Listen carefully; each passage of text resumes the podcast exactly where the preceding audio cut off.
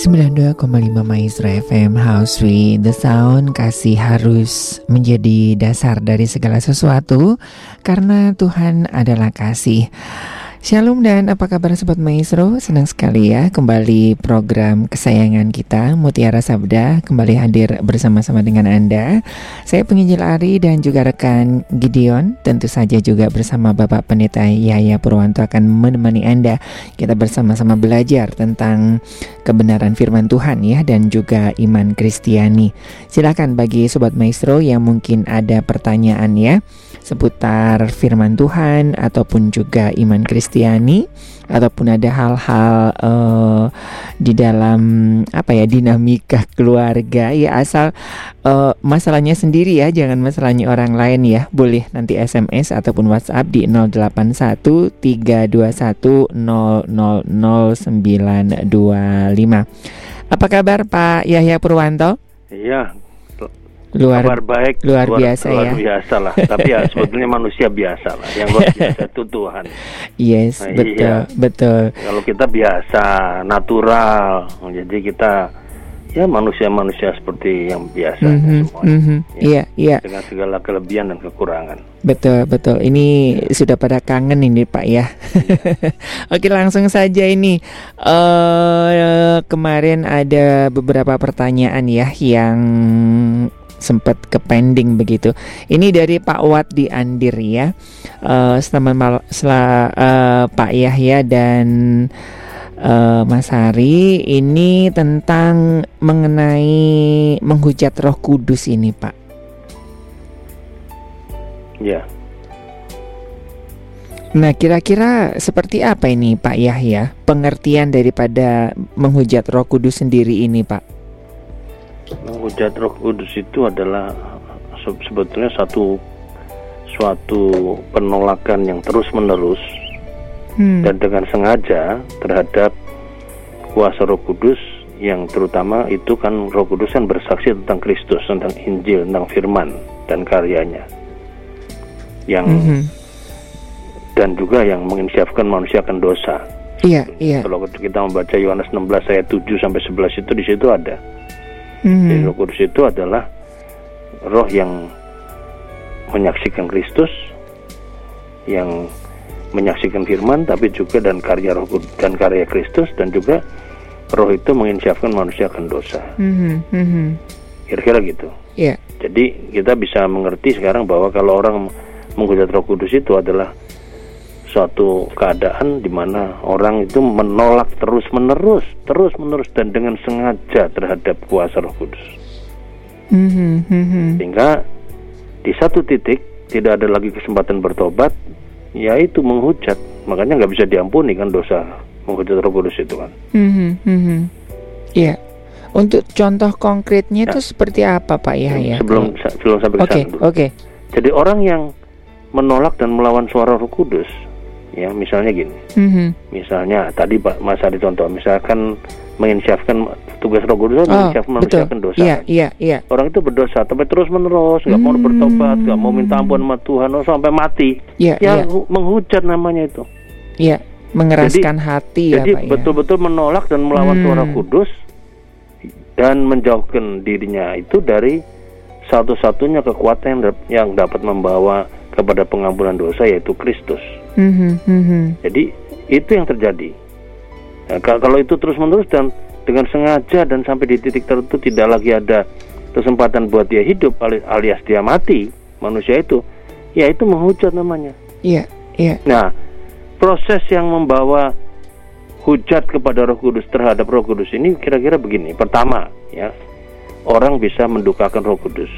Mm-hmm. Yaitu apabila terus diteruskan dan akan membuat terus menentang kuasa Roh Kudus. Mm-hmm. Nentang terus ini sudah jelas yeah, ada yeah. ada Tuhan itu sudah bekerja lewat Roh Kudus itu mengingatkan dia, ada juga gejala-gejalanya sudah tahu dan dia dia tahu sebetulnya itu ada adalah kuasa betul, Allah. Betul, betul.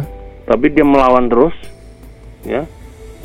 Lalu yang kedua adalah orang yang menghujat itu proses membawa pada hujat itu adalah apa? Menentang Roh Kudus dan membawa dan akan membawa kepada suatu keadaan di mana dia memadamkan roh itu dalam dirinya. Hmm. Betul-betul ditutup roh itu. Hmm. Hmm.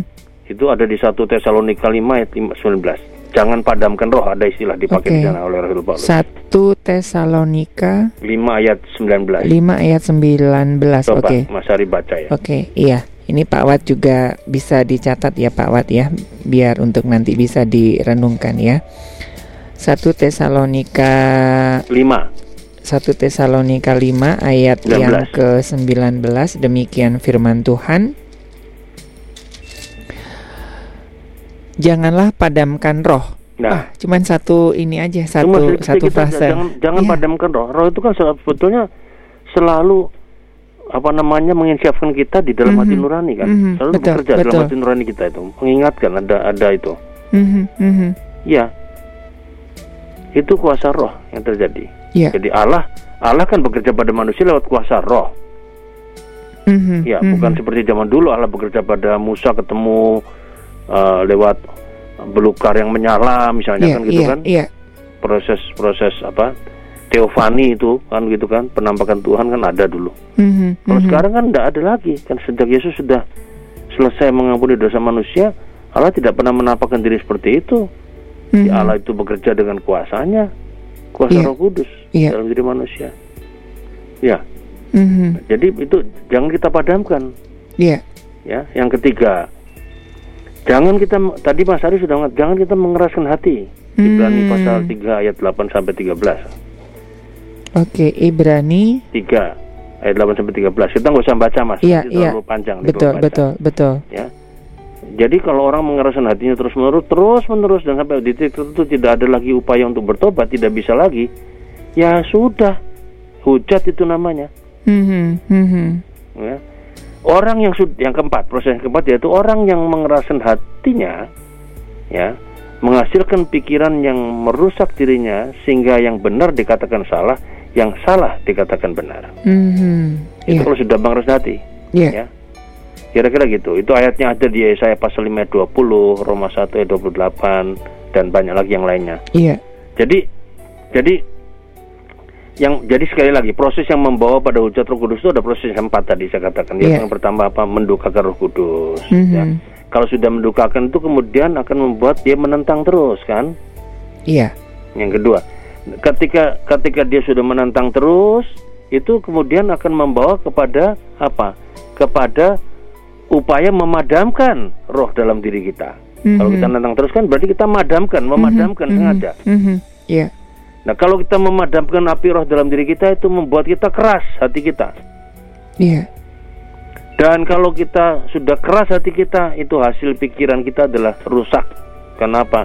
Yang benar dikatakan salah, yang salah dikatakan benar. Mm-hmm. Nah, sampai di titik ini, ini kalau sampai satu saat kita dipanggil pulang Tuhan dan tidak ada pertobatan, ya berarti kita sudah menghujat itu. Mm-hmm. Mm-hmm. Ya. Okay. Jadi, jadi jadi pada saat pengerasan hati itu ya yang tadi yang menghasilkan apa benar katakan salah salah katakan benar kan gitu kira-kira mm -hmm. kan mm -hmm. itu pada tahap pengerasan seperti itu ya di, di tingkat tingkat tertentu yang sudah ditetapkan oleh Allah ya maka Roh Kudus tidak akan lagi menuntun orang itu pada pertobatan. Oke. Okay. Itu kira-kira gitu. Dari situ di, di titik itu ya sudah tidak ada lagi pertobatan sudah hujat sudah itu yang terjadi hmm. Hmm. ya oke okay. jadi bagi bagi kita sebagai umat manusia yang yang katakanlah entah percaya apa tidak ya kita kan kalau kita berdosa itu kan biasa iya tapi setiap kali kita berdosa kan ada upaya kita untuk bisa diampuni oleh Tuhan mm-hmm. ya yeah. asal apa kita bertobat kita ngaku dosa balik lagi pada Tuhan dan kita bertobat Iya. Yeah. Jadi jadi pertobatan dari dosa itu adalah bukti bahwa kita tidak melakukan dosa yang tidak terampuni. Mm-hmm. Pertobatan itu adalah bukti bahwa kita tidak melakukan dosa hujat Roh Kudus. Kira-kira begitu. Mm-hmm. Karena masih ada jalan kita untuk bertobat. Iya. Yeah. Ya, belum sampai pada pengerasan hati tadi yang saya katakan. Ketika sudah sampai pada pengerasan hati, yang salah dikatakan benar, benar dikatakan salah, di situ orang tidak lagi merasakan bahwa dirinya berdosa. Mm-hmm. Nah ini yang bahaya mm-hmm. manusia mm-hmm. seperti ini. Iya. Yeah. Ya.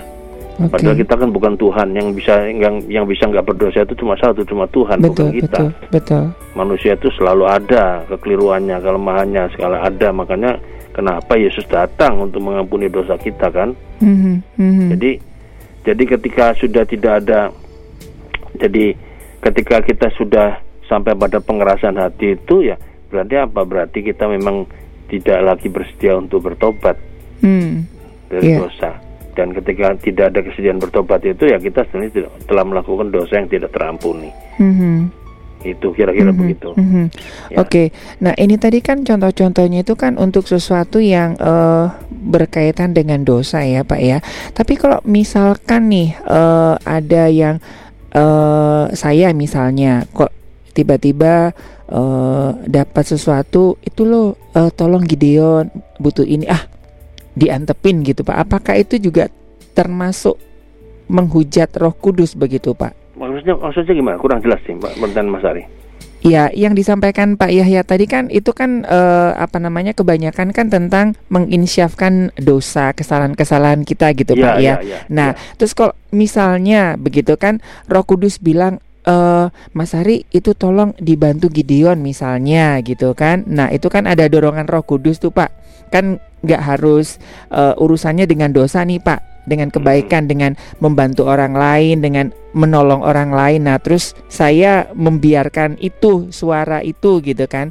Apakah ini juga masuk dalam mendukakan Roh Kudus atau ya. menghujat Roh Kudus, Pak? Ini Jadi ada. Kalau kalau pada tahap seperti yang Mas Ari sebutkan tadi, kalau kita berusaha suruh nolong orang tapi kita nggak masih nolong itu mm-hmm. saya berpendapat bahwa itu belum sampai kategori menghujat menghujat Roh Kudus sebetulnya kenapa mm. karena dorongan itu bisa juga dorongan dari hati nurani bukan dari oh, suara Tuhan bisa harus dicek dulu ya Pak ya iya dicek okay. dulu cek apakah itu suara Tuhan atau bukan Sebab kalau itu suara Tuhan, biasanya suara itu kencang, suara itu hmm. bergema luar biasa di hati kita dan hati kita bergolak dan kita tidak bisa menahan gitu loh. Oke, okay, oke. Okay. Kalau yeah. Kudus sudah masuk ke kita, dalam diri kita. Mm-hmm. Mm-hmm. Tapi kalau kita masih bisa menolaknya itu beda.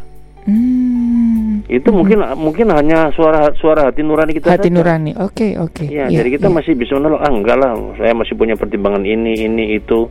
Wah ternyata dia bukan orang benar, ternyata dia orang kita bisa juga itu mm-hmm. banyak pertimbangan kan kalau mm-hmm. soal menolong mm-hmm. orang itu kan. Mm-hmm. Ya. Mm-hmm. Oke, okay, iya. Nah, yeah. Jadi jadi sini ini tadi Mas Ari menyebut contoh, contoh yang lain lah. Saya ambil contoh yang lainnya misalnya. Tadi kan sudah tentang dosa ya. Mm-hmm. Jadi mengucap Roh Kudus itu adalah yang nggak bisa diampuni itu adalah ketika gini, kan Yesus pernah mengusir setan. Iya. Yeah. Ya. Dengan kuasa Roh Kudus kan? Betul, Roh Allah, betul, kan? betul, betul. Tapi oleh orang-orang disebut dengan kuasa Beelzebul. Iya. Ya. Mm-hmm. Iya, iya. Sebetulnya orang Parisi, orang-orang waktu itu Parisi tahu bahwa Yesus itu mengusir setan dengan kuasa Roh Kudus yang maha tinggi. Namun mm-hmm. mereka mengatakan Yesus mengusir setan dengan kuasa penghulu iblis.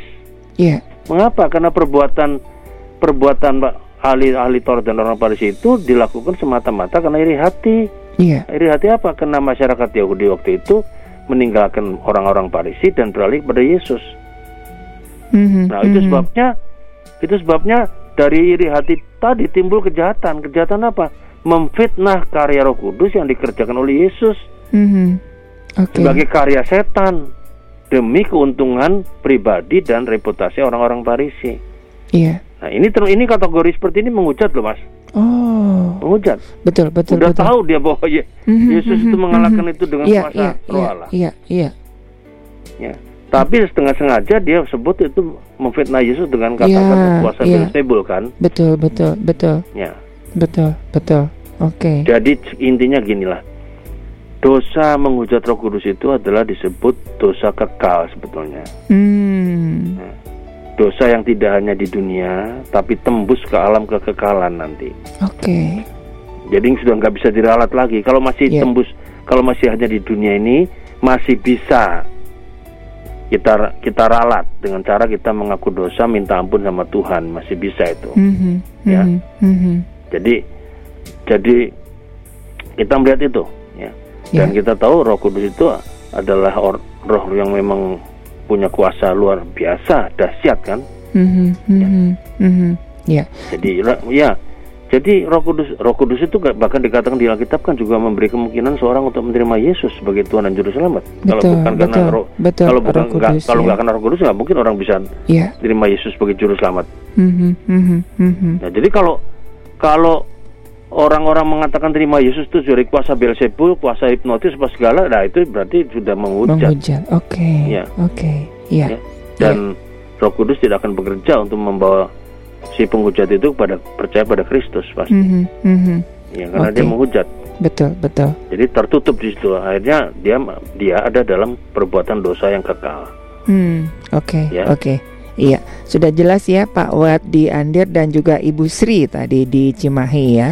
Jadi uh, antara menghujat Roh Kudus dan suara hati begitu ya Pak ya, ya yang yang ya. Uh, dengan sesama yang yang kita masih bisa menolak dan juga menimbang itu bukan menghujat Roh Kudus ya. Oke, sudah sangat jelas sekali dan eh, ini satu dosa Jadi, yang sangat serius ya intinya Pak? yang mau untuk membedakan aja gini mas mm -hmm, intinya mm -hmm. adalah Pak kalau kuasa roh kudus itu kuat dalam diri kita nggak bisa dilawan okay. nah kalau kita melawan terus itu kita coba melawan dengan segala macam dalih itu tandanya kita menghujat sebetulnya sudah mm -hmm. yeah, yeah. coba kita ingat peristiwa misalnya kok Rasul Paulus bertobat Oh iya iya. Itu kan iya. kuasa Roh Kudus. Mm-hmm, mm-hmm. Dia nggak bisa. Padahal dia tuh memang kerasnya bukan main. Mm-hmm, mm-hmm. Melawan Kristus itu, melawan pengikut Kristus itu.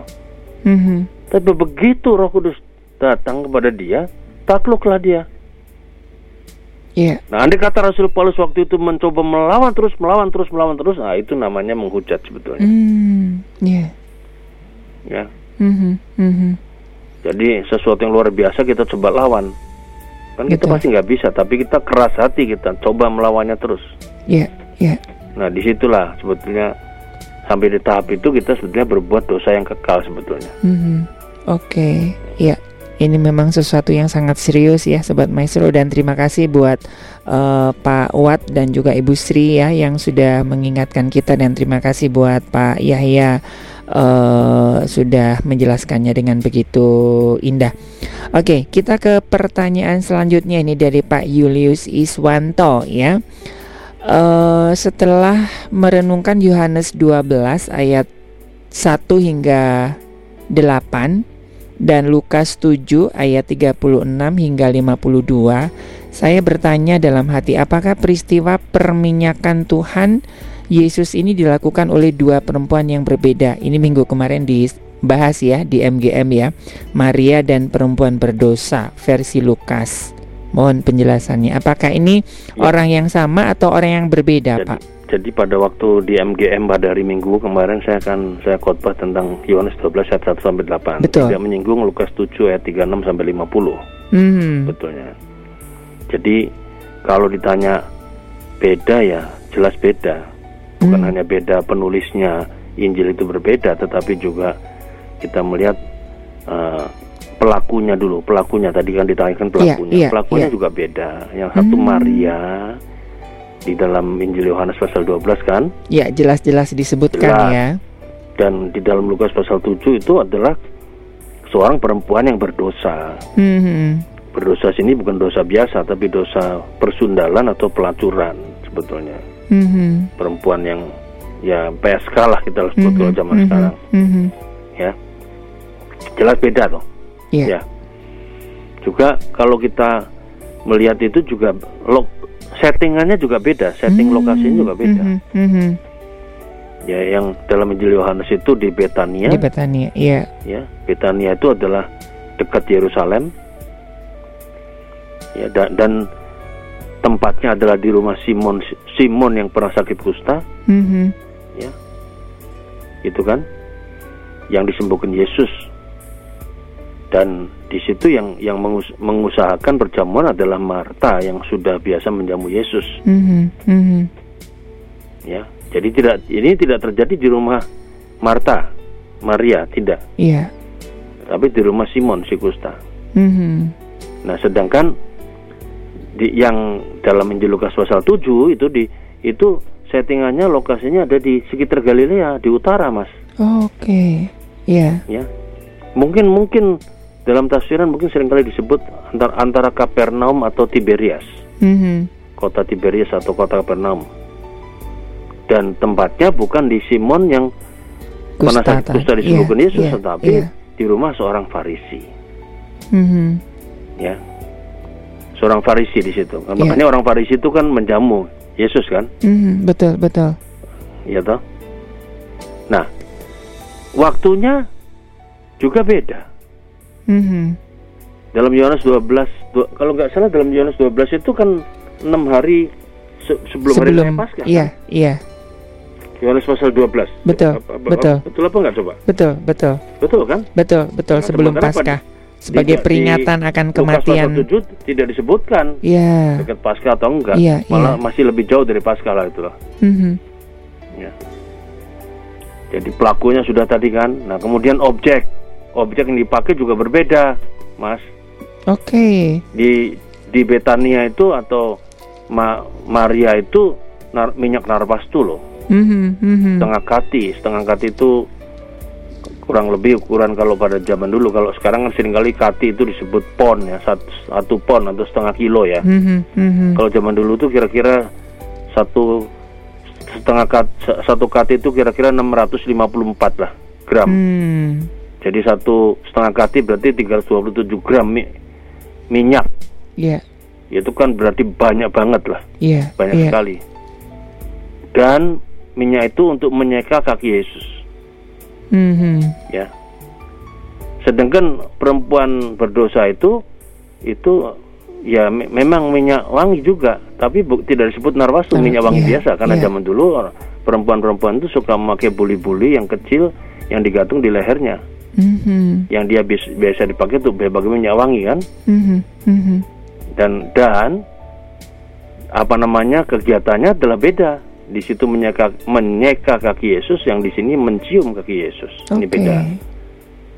Kita melihat mm-hmm, tindakan mm-hmm. mencium mm-hmm. itu. Nah, kemudian maknanya, makna daripada pengurapan pada Yohanes 12 itu makna di mana sebagai tanda apa? Uh, kematian ya. Kematian. kematian Yesus. Di mana Yesus akan mati dan kemudian menebus dosa manusia kan, mm-hmm, upacara penguburannya kan, mm-hmm. yang bangkit nanti kan begitu. Iya. Nah, sedangkan di dalam di Lukas. dalam Injil Lukas pasal yang ketujuh itu sebetulnya sebagai tanda kerendahan hati yang sedalam-dalamnya. Makanya sampai mencium kaki. Mm-hmm. Kerendahan hati dalam rangka keinsyafan akan kesalahan besar yang dilakukan dia sebagai seorang perempuan berdosa. Ya. Yeah. Ya, itu bedanya. Mm-hmm. Ya. Jadi yang ini betul-betul uh, yang yang Maria itu mengurapi Yesus, jadi subjeknya Yesus. Yang ini adalah subjeknya dia. Dia punya kesalahan besar, tapi dia sadar dan dengan rendah hati yang sedalam-dalamnya sampai mencium kaki Yesus. Mm-hmm. Dan apa yang dikatakan Yesus? Dosamu diampuni. Kan kira-kira gitu. Betul, betul. Kalau di Maria kan nggak ada kalimat itu. Betul, betul, betul. Karena beda, beda maknanya di mm-hmm. sini. Jadi mm-hmm. ya dua-dua makna ini bagus sekali untuk kita sebagai orang percaya. Kenapa? Karena Makna yang pertama kita mengakui akan kematian Yesus yang luar biasa menebus dosa kita. Nah, makna yang kedua dari perempuan berdosa ini adalah bahwa kita itu di hadapan Tuhan mesti rendah hati sedalam-dalamnya. Kita hmm. insyaf betul akan kesalahan kita bahwa kita ini manusia berdosa yang tidak punya arti apa-apa di mata Tuhan. Iya, iya. Sehingga kita harus selalu minta ampun sama Tuhan. Mm-hmm. Dan Tuhan mm-hmm. akan mengatakan dosamu diampuni. Yeah. Nah, ini ini perbedaan Yohanes 12 ayat 1 sampai 8 dan Lukas 7 Lukas. 36 betul. sampai 50. 10. Betul, ya. betul, betul. Ini yeah. kalau kita lihat memang uh, yang di Lukas itu sangat jauh jauh banget ya. Ini kayaknya di awal-awal pelayanan ya, Tuhan Yesus itu di awal ya. Pelayanan. Kalau awal-awal sudah dekat sudah dekat betul, Paskah, Mas. Betul, betul, betul. Makanya makanya maknanya sangat Beda. jelas. Oke, okay, oke. Okay. Oke, iya. Ini mudah-mudahan bisa dipahami ya Pak Yulius Iswanto ya. Jadi dua dari yang sudah dijelaskan Pak Yahya tadi ya dari kronologi waktunya juga juga sudah beda, oknumnya juga beda, mediasi mediatornya juga udah beda, begitu ya. Tempat rumahnya juga beda, waktunya juga beda, ya. beda. ya. Kalau yang Semua di beda. yang beda. yang di Lukas ini adalah di awal kalau, pelayanan Yesus. Kalau intinya pengurapan nih sama ya, pengurapan. Iya, ya, betul. Ya, mm-hmm, ya tema mm-hmm, pengurapannya mm-hmm, sama mm-hmm. barangkali. Yang menyamakan hanya itu. Iya, iya. Oke. Okay. Tapi maknanya berbeda. Oke, okay, oke. Okay. Ya, oke. Terima kasih Pak uh, Julius Iswanto ya wah kayak ini hari ini cukup ramai nih Pak. Oke selamat uh, bergabung kembali nih buat Mas Triono begitu ya. Oke Pak Yahya ingin tanya apakah di balik pengkhianatan Yudas itu ada rencana Allah Pak? Ya kalau kita bicara rencana Allah tentu selalu ada ya Mm-hmm. Tetapi di, di dalam pengkhianatan Yudas itu sebetulnya porsi yang paling banyak adalah pilihan Yudas sendiri sebetulnya. Oke. Okay. Kalau kita lihat kehendak kehendak bebas dia ya, ya Pak bebas ya. Dia, jadi mm-hmm. dia mm-hmm. memilih untuk katakanlah sebagai anak Tuhan yang memang ya memilih jalan seperti itu. Kan mm-hmm. minggu lalu mm-hmm. sudah pernah diterangkan kalau yeah, Iya, betul, betul. Ya, ya baga baga bagaimana seperti Yudas itu kan bisa di MGM kalau nggak salah saya pernah menjelaskan bahwa ya mm-hmm, Yudas itu kan mm-hmm. sebetulnya profil orang yang memang tidak mau bertobat iya yeah. karena apa karena sudah sebetulnya Yesus tuh Yesus kan memanggil orang berdosa sebetulnya seperti Yudas itu mm-hmm. ya, dia dia biasa mencuri rupanya iya yeah. sampai dikasih jabatan bendahara mm-hmm. iya kan di komunitas itu kan.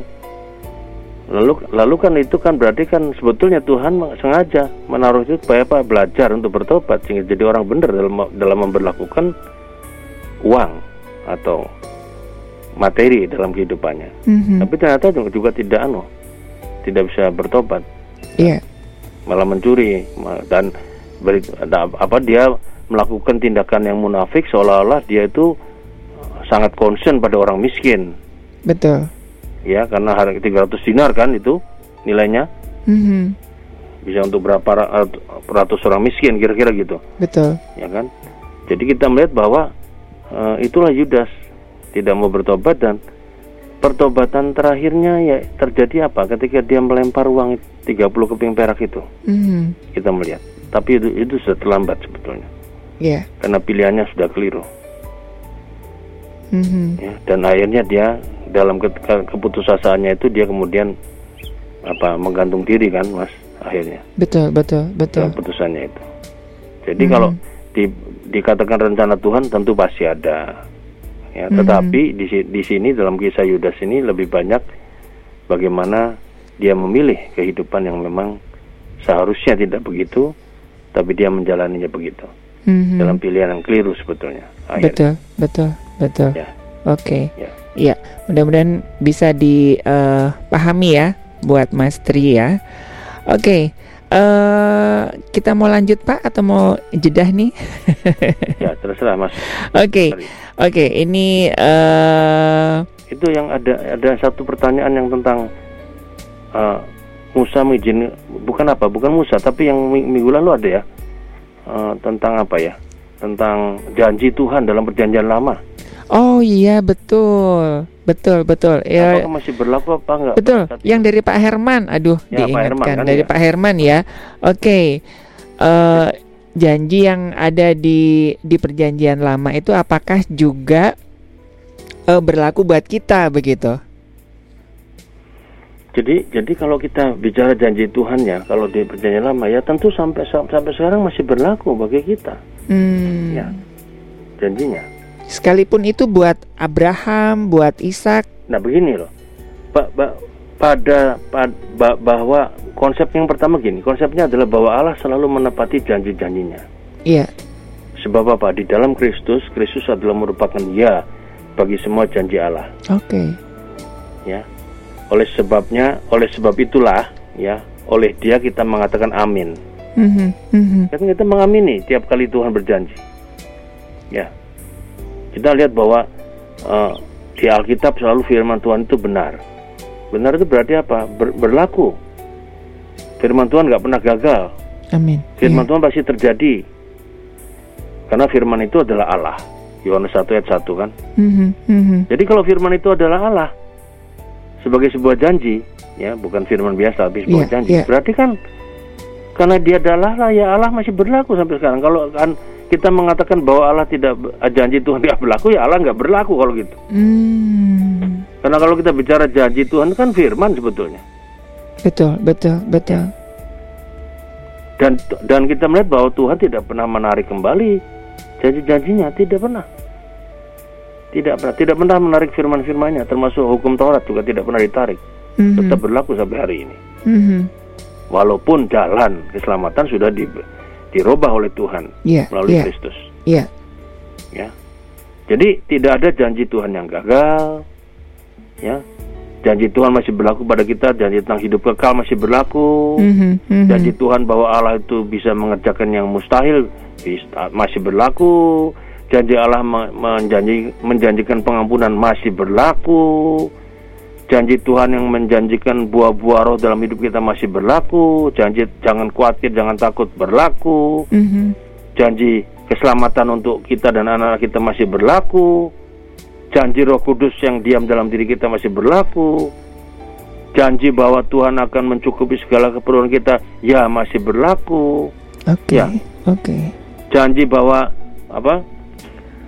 Tuhan tidak pernah menahan perkara yang baik dalam hidup kita kalau kita tidak bercelah hidupnya. Mm -hmm. Ya berlaku, ya kan? Itu di Mazmur 84 ayat 12. Mm -hmm. Janji memberikan hikmat atau kebijaksanaan ya masih berlaku, janji memberikan damai sejahtera masih berlaku, janji melepaskan dari percobaan ya berlaku seperti itu apa-apa kami kan? Iya, yeah, iya. Yeah. Janji kesehatan dan kesembuhan juga berlaku. Mm -hmm. Janji per, apa melindungi kita dari malap, malapetaka dan bahaya ah, berlaku juga. Iya, yeah, iya. Yeah. Janji bahwa orang mati akan bisa hidup kembali nanti ya berlaku juga janji bahwa dia akan datang kembali berlaku juga. Nah sebetulnya mas semua janji Tuhan nggak pada ada yang nggak berlaku. Hmm. Karena janji itu adalah janji yang berlaku kekal, kecuali janji-janji yang temporer. Ya, yang yang spesifik buat. Ya, temporary. Oke. Okay. Ya. Ya. Contohnya yang hanya untuk waktu itu saja. Misalnya janji Tuhan akan melepas umatnya dari pen, apa Fir'aun uh, pembuangan Babel. Oh iya. Sudah selesai. Mm-hmm, mm-hmm. Ya. Tapi Maknanya kita bisa menarik bisa, okay. janji ini di, dengan merefleksikannya dan hmm. memberi makna bahwa kalau Tuhan aja dulu pembuangan Babel 70 tahun aja bisa balik, orang itu kembali dan jadi bagus kan, mm-hmm, mengalami damai sejahtera. Yeah. Kita pun juga sama. Yeah. Zaman sekarang. Walaupun walaupun kita tidak mengalami pembuangan Babel. Babel, betul, betul. Ya toh? Ya, kita ya. mengalami keterpurukan misalnya. Kita mengalami jauh dari Tuhan, kita mengalami apa aja yang membuat kita seperti di Babel kira-kira gitu. Mm-hmm, mm-hmm. Itu kan bisa kita refleksikan dan itu berlaku. Berlaku dalam arti kata bukan janji secara definitif tetapi makna yang terkandung di dalam janji itu itu bisa terjadi pada kita mm. zaman sekarang. Ya, ya, ya. Ya. Oke, okay, oke. Okay. Jadi itu yang apalagi janji yang belum terpenuhi, misalnya bahwa dia akan datang kembali datang kedua kembali. kali. Ya. Nah, itu kan belum terjadi. Mm-hmm. Tapi pasti akan terjadi kan? Betul, betul. Kira-kira begitu. Betul, betul. Ya. Oke, okay. iya. Ya, mudah-mudahan ini bisa dipahami ya Pak Herman ya. Jadi uh, ada ada ada dua macam janji tadi ya. Jadi yang uh, secara umum sama yang temporer begitu ya. Hmm, jadi hmm, jadi ya umum itu lebih lebih ke arah ke arah keselamatan sebetulnya iya, semuanya ya, iya, mengarah ke sana. Iya, iya, tapi maknanya bisa berlaku sampai bisa, akhir bisa. zaman nanti ya dan dan siapa pun yang mengamini itu ya Pak ya. Iya. Oke, okay, ya. Oke. Okay. Mm-hmm, mm-hmm. Janji, janji, katakanlah misalkan yang apa sih yang lama janji bahwa uh, Abraham lah contohnya bahwa mm-hmm, janji dia mm-hmm. dia sudah diberi anak, ya pada usia yeah, yeah. 100 tahun kan, mm-hmm, mm-hmm. itu kan sebetulnya kan janji itu masih bisa berlaku pada kita sekarang dalam dalam arti kita merefleksikan maknanya gitu loh. Iya, yeah, iya. Yeah. Ya walaupun kita umur sudah ada, mungkin apa barangkali uh, umur kita dia nggak sampai 100 tahun lah mm-hmm. satu umur mm-hmm. kita mhm. sudah 40 tahun bisa nggak kita punya anak ya bisa saja bukan hanya umur yang 20 tahun 25 yeah, tahun lah yeah. punya anak ya mm-hmm. kira-kira begitu mm-hmm. ya janji bahwa keturunan seperti bintang di langit ya itu bisa terjadi pada kita juga mm-hmm. Mm-hmm. walaupun itu hanya pada Abraham Abraham janji yeah. supaya kita menjadi berkat juga ada makanya kenapa seperti janji menjadi berkat itu ada di dikutip lagi kan dalam hmm. di dalam surat Petrus. Oke. Okay. Hendaklah engkau memberkati karena untuk itulah karena untuk itulah engkau dipanggil yaitu untuk memperoleh berkat. Mm-hmm. Sebetulnya kan sama dengan janji pada Abraham, engkau harus menjadi berkat karena engkau diberkati, engkau jadi berkat. Mm-hmm. Mm-hmm. Tapi dalam bahasa di surat Petrus kalau nggak salah itu dikatakan bahwa engkau diberkati, engkau harus memberkati. Iya. Yeah. Karena untuk itulah engkau dipanggil, yaitu untuk memperoleh berkat. Mm-hmm. Oke, ini sangat menarik Pak Yahya ya tentang janji ini ya. Apakah uh, kita bisa menuntut janji itu sementara kita ada enggak uh, tanggung jawab kita gitu Pak Yahya? Loh kan, kalau kita kalau kita bicara janji Tuhan kepada umat, mm -hmm. yang dituntut cuma satu, yeah. percaya apa enggak? Nah, oke. Okay. Itu di situ, bukan hmm. kita berbuat baik atau apa segala macam. Okay. Kita harus melakukan kesalahan kita berpuasa kita ini itu ke puncak gunung menyepi mm-hmm, bukan ya yeah. itu ya kata kata iman. iman dan percaya itu ya pak ya, iya, ya kata kuncinya ya iya. oke okay. nah. mm-hmm, mm-hmm. janji kesembuhan percaya nggak tinggal itu taruhannya kalau kita nggak yes. percaya silakan kata Tuhan engkau engkau carilah kesembuhan dengan caramu sendiri mm-hmm, mm-hmm. Tuhan pikir gitu kan karena kita mm-hmm. kadang-kadang suka kalau kalau sakit kan kita nggak merasa nggak percaya kalau dokter ngobati atau apa segala macam gitu kan. Mm-hmm, mm-hmm. Kita lebih pakai akal budi kita, yeah, kita lebih yeah. percaya pada omongan orang, mm-hmm. pakai daun serai lah, pakai inilah, mm-hmm. pakai kunyit lah kita sembuh. Padahal sebetulnya kan tidak bisa. Itu mm-hmm. bukan kalau mm-hmm. secara medis kan itu belum diuji secara klinis semua. Yeah. Anu obat-obat herbal seperti itu. Mm-hmm. Jangan-jangan kalau kita makan terus-menerus setiap hari jadi yeah. racun malahan. Iya, yeah, dan setiap orang bisa. kan uh, yeah. apa namanya tubuhnya kan beda kan? Iya, yeah, tiap orang beda, mm -hmm, iya. Mm -hmm. yeah. Oke, iya. Oke. Okay. Mm -hmm. Oke, okay, terima kasih Pak Herman ya mengingatkan janji Tuhan. Jadi apa pun itu kuncinya cuma satu ya. Jadi kita iman dan percaya. Udah ya, iman dan percaya. Yes. Misalkan Tuhan menjadikan, menjadikan damai sejahtera pada kita, kita percaya enggak? Mm-hmm. Ya, kalau kita percaya, jalanilah hidup dengan damai sejahtera, maka engkau kita akan mengalami damai sejahtera. Oke. Okay. Tapi kalau kita nggak percaya, kita hidup hidup dalam pertengkaran, dalam keributan dengan orang, dengan dalam permusuhan, mm. ya nggak akan ada damai. Oh, yeah. Kita sendiri nggak mau menjalankan, mm-hmm. gitu loh. Oke. Okay. Iya. Yeah. Kan itu ada pertaruhannya semua mm-hmm. termasuk sakit ya.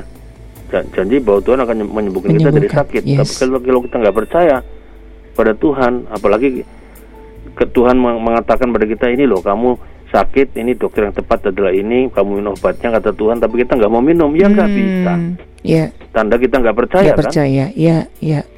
Karena Tuhan memakai juga dalam iman kita kita berbuat sesuatu yang menurut kehendak Tuhan yaitu apa? Kita menuruti juga cara-cara yang sesuai dengan nalar mm-hmm, mm-hmm. dan akal budi kita. Mm-hmm. Ya, ya ingat waktu Pak Yahya juga sempat menyinggung juga ya di beberapa waktu lalu antara percaya dan mempercayakan ya, ya, gitu ya, ya Pak ya. Mm-hmm. Itu yang lebih itu penting ya. Berbeda dua hal ya, yang berbeda. Ya, oke. Okay. Tapi dua-duanya mesti kita miliki. Yes, oke, okay. ya, oke. Okay. Kita ke Pak Wijaya di Kebon Gedang. Uh, Pak Yahya saya mau tanya ini tentang Lukas 9 ayat 2 Lukas 9 ayat 2 dan 3 Mengapa ketika memberitakan kerajaan Allah tidak boleh membawa bekal uang roti tongkat baju dua helai? Oke saya coba bacakan ya. Lukas 9 ayat 2 dan 3 ini perikopnya Yesus mengutus kedua belas muridnya dan ia mengutus mereka untuk memberitakan kerajaan Allah dan untuk menyembuhkan orang. Katanya kepada mereka, "Jangan membawa apa-apa dalam perjalanan, jangan mem membawa tongkat atau bekal, roti atau uang atau dua helai baju." Ini makna yang uh, makna yang letterlek atau makna yang ada makna-makna yang tersembunyi di balik perkataan Tuhan Yesus ini Pak Iya ya. Ya jadi kalau kita melihat ayat yang ada di uh, Lukas Lukas pasal 9 ya. Mm -hmm. ya. Ayat yang kelima ya. Ayat yang kedua eh, dan tiga Pak. Kedua dan ketiga. Ya? Betul. Ya jadi gini ayat yang ketiga ya. jangan bawa apa-apa dalam perjalanan. Gini maksudnya apa? Kalau ini kan Yesus mem memanggil para murid untuk diutus. Mm-hmm. ya kan? Diutus untuk tugas-tugas kerajaan Allah. Kira-kira gitu. Dan tugas yang diberikan pada para murid ini berat. Karena apa? Untuk meng, apa dikatakan pada ayat satu itu lalu memberi tenaga dan kuasa kepada mereka untuk menguasai setan-setan untuk menyembuhkan penyakit-penyakit dan uh, memberitakan kerajaan Allah mm-hmm. untuk menyembuhkan mm-hmm. orang ini kan mm-hmm. tugas yang mudah yeah. nah kalau tugas yang nggak mudah maka Tuhan mau mengatakan jangan bawa apa-apa dalam perjalanan karena kalau terlalu bawa apa-apa nanti sibuk dengan hmm. urusan yang bawa apa-apa ini sehingga konsentrasi untuk tugas kerajaan Allah itu tidak terfokus pada mereka. Mereka bisa gagal nanti. Iya, karena tugas itu bukan tugas untuk menguasai setan, menyembuhkan sakit. Oke. Okay. Itu kan tidak mudah. Setan itu kan kuasa yang di atas di lebih tinggi dari manus, manusia sebetulnya. Mm -hmm, Dia setingkat sama dengan malaikat kan sebetulnya. Iya, iya. Ya, jangan ma bawa tongkat atau bekal segala macam roti atau uang, karena mm -hmm karena kalau bawa ini semuanya nanti orang akan pikirannya ke situ. Fokusnya ke situ. Oke, okay, hmm. oke. Okay. Bukan ke iya. tugas utamanya. Iya, iya. Ya gitu loh. Sebetulnya maksudnya. di ayat satu tadi yang di, yang dibacakan Pak Yahya itu jadi kuncinya ya Pak ya karena iya. Tuhan sudah memberikan lebih dari bekal iya. uang, roti, tongkat, memberikan baju. tenaga dan kuasa. Iya. Sudah cukup. Gak perlu bawa roti segala macam, hmm. perlu. Iya, iya. Ya. Kalau sudah dikasih oleh Tuhan itu tenaga dan kuasa. Masa sih lapar? Yang enggak lah. Mm-hmm. Karena Tuhan sudah mm-hmm. kasih tenaga dan kuasa. Iya, yeah, iya. Yeah. Gitu loh. Tuhan loh yang ngasih, bukan bukan manusia yang ngasih tenaga. Mm-hmm. Kalau mm-hmm. manusia yang kasih tenaga sama dia bisa hilang tenaganya memang. Yeah, yeah. Tapi Tuhan yang ngasih kok. Itu. Mm-hmm. mm-hmm. Jadi itu yang diharap, diharapkan Tuhan dan ini kuncinya ya percaya apa enggak percaya. dia percaya oke okay. tinggal gitu kan mm-hmm. Mm-hmm. ya karena kenapa karena dengan demikian orang itu bisa berkonsentrasi untuk bisa melakukan tugas tugas kerajaan Allah yang mm-hmm. sangat berat itu yang sangat besar mm-hmm. sebetulnya oke okay. ya iya iya gitu. oke okay. ya. iya Oke Pak Wijaya di ayat 1 ya jawabannya ya uh, kembali kepada iman dan juga percaya. Oke Pak Yahya kayaknya ini masih ada satu pertanyaan tapi kita simpan dulu ya karena waktu kita hanya tinggal beberapa menit nih. Nah kira-kira apa yang bisa kita uh, ambil uh, benang merah dari bahasan kita hari ini Pak Yahya? Tadi bicara janji, tadi bicara apa lagi? Roh Kudus Roh ya. Kudus, kemudian mm -hmm. kita bicara apa lagi? Uh, minyak. apa? Yang Maria perbedaan Yohanes sama iya, Lukas, Lukas. macam itu.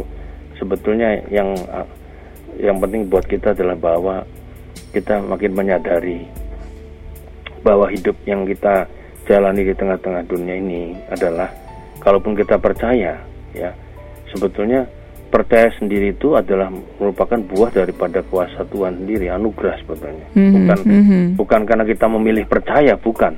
Mm-hmm. Bukan pilihan kita sebagai manusia. Tapi itu adalah karunia dari Tuhan pada kita. Kalau orang bisa mengaku Yesus sebagai Tuhan itu karunia sebenarnya. Yeah. Karena Roh Kudus yang menggerakkan itu dalam diri kita. Jadi iman itu adalah sebuah karunia. Dan oleh sebab itu kita melihat bahwa karunia yang Tuhan berikan pada kita ini, saya saya berpikir bahwa kita harus menggunakannya untuk kerajaan Allah ya. Mm-hmm. Ya, termasuk para murid tadi kan mengutus 12 rasul itu kan dikasih karunia. Yeah. Dikasih tenaga sama kuasa. Nah, kalau sudah dikasih tenaga sama kuasa kemudian masih mikir yang boten-boten gitu. Yeah. Atau malah nggak mau bekerja, nggak mm-hmm. mau melakukan mm-hmm. tugas panggilannya, ya kan bisa diambil karunia itu nanti Betul. hilang dalam diri kita. Jadi itu yang yang paling penting. Kalau hidup ini adalah sebuah tugas yang Tuhan berikan pada kita untuk mem memberitakan kerajaan Allah di mana pun kita berada itu sebagai tugas yang mulia dan berat memang tapi kita percaya bahwa Tuhan dengan iman kita percaya Tuhan akan memberikan karunia kepada kita mm-hmm. ya yang melengkapi semua yang harus kita yang nanti akan bisa kita gunakan buat kita melakukan tugas panggilan Tuhan tadi oke okay. ya yeah. jadi jangan jangan kita apa namanya berpangku tangan, mm-hmm. ya. Iman itu nggak berpangku tangan, tapi iman itu harus dilakukan dalam sebuah, sebuah sikap bahwa mm-hmm. yang kita percayai kita mesti bisa tularkan kepada orang lain. Oke. Okay. Untuk tugas panggilan Tuhan, mm-hmm. memberitakan okay. kerajaan Allah itu mm-hmm. pada siapa pun. Oke. Okay. Ya. Iya. Oke, terima kasih sekali lagi Pak Pendeta Yaya Purwanto ya buat uh, ininya untuk penjelasannya yang cukup luar biasa. Uh, ini nanti di kesempatan yang akan datang ini untuk uh, ada satu pertanyaan tentang apa bedanya pemberkatan nikah dan peneguhan nikah ya. Kita akan bahas di kesempatan yang akan datang begitu. Sekali lagi terima kasih buat Pak Wat, Pak Herman, Pak Wijaya, uh, Mas Tri, Pak Julius juga uh, Ibu ya. Nanti kita akan uh, bahas lagi begitu. Sekali lagi Pak Yahya Purwanto terima kasih. Baik sobat maestro, dari Gra Maestro Jalan Kaca Piring 12 Bandung, saya Ari, rekan Gideon dan Bapak Pendeta Yahya Purwanto mohon pamit. Ketahuilah bahwa kebencian menimbulkan pertengkaran tetapi kasih menutupi segala pelanggaran. Tuhan memberkati.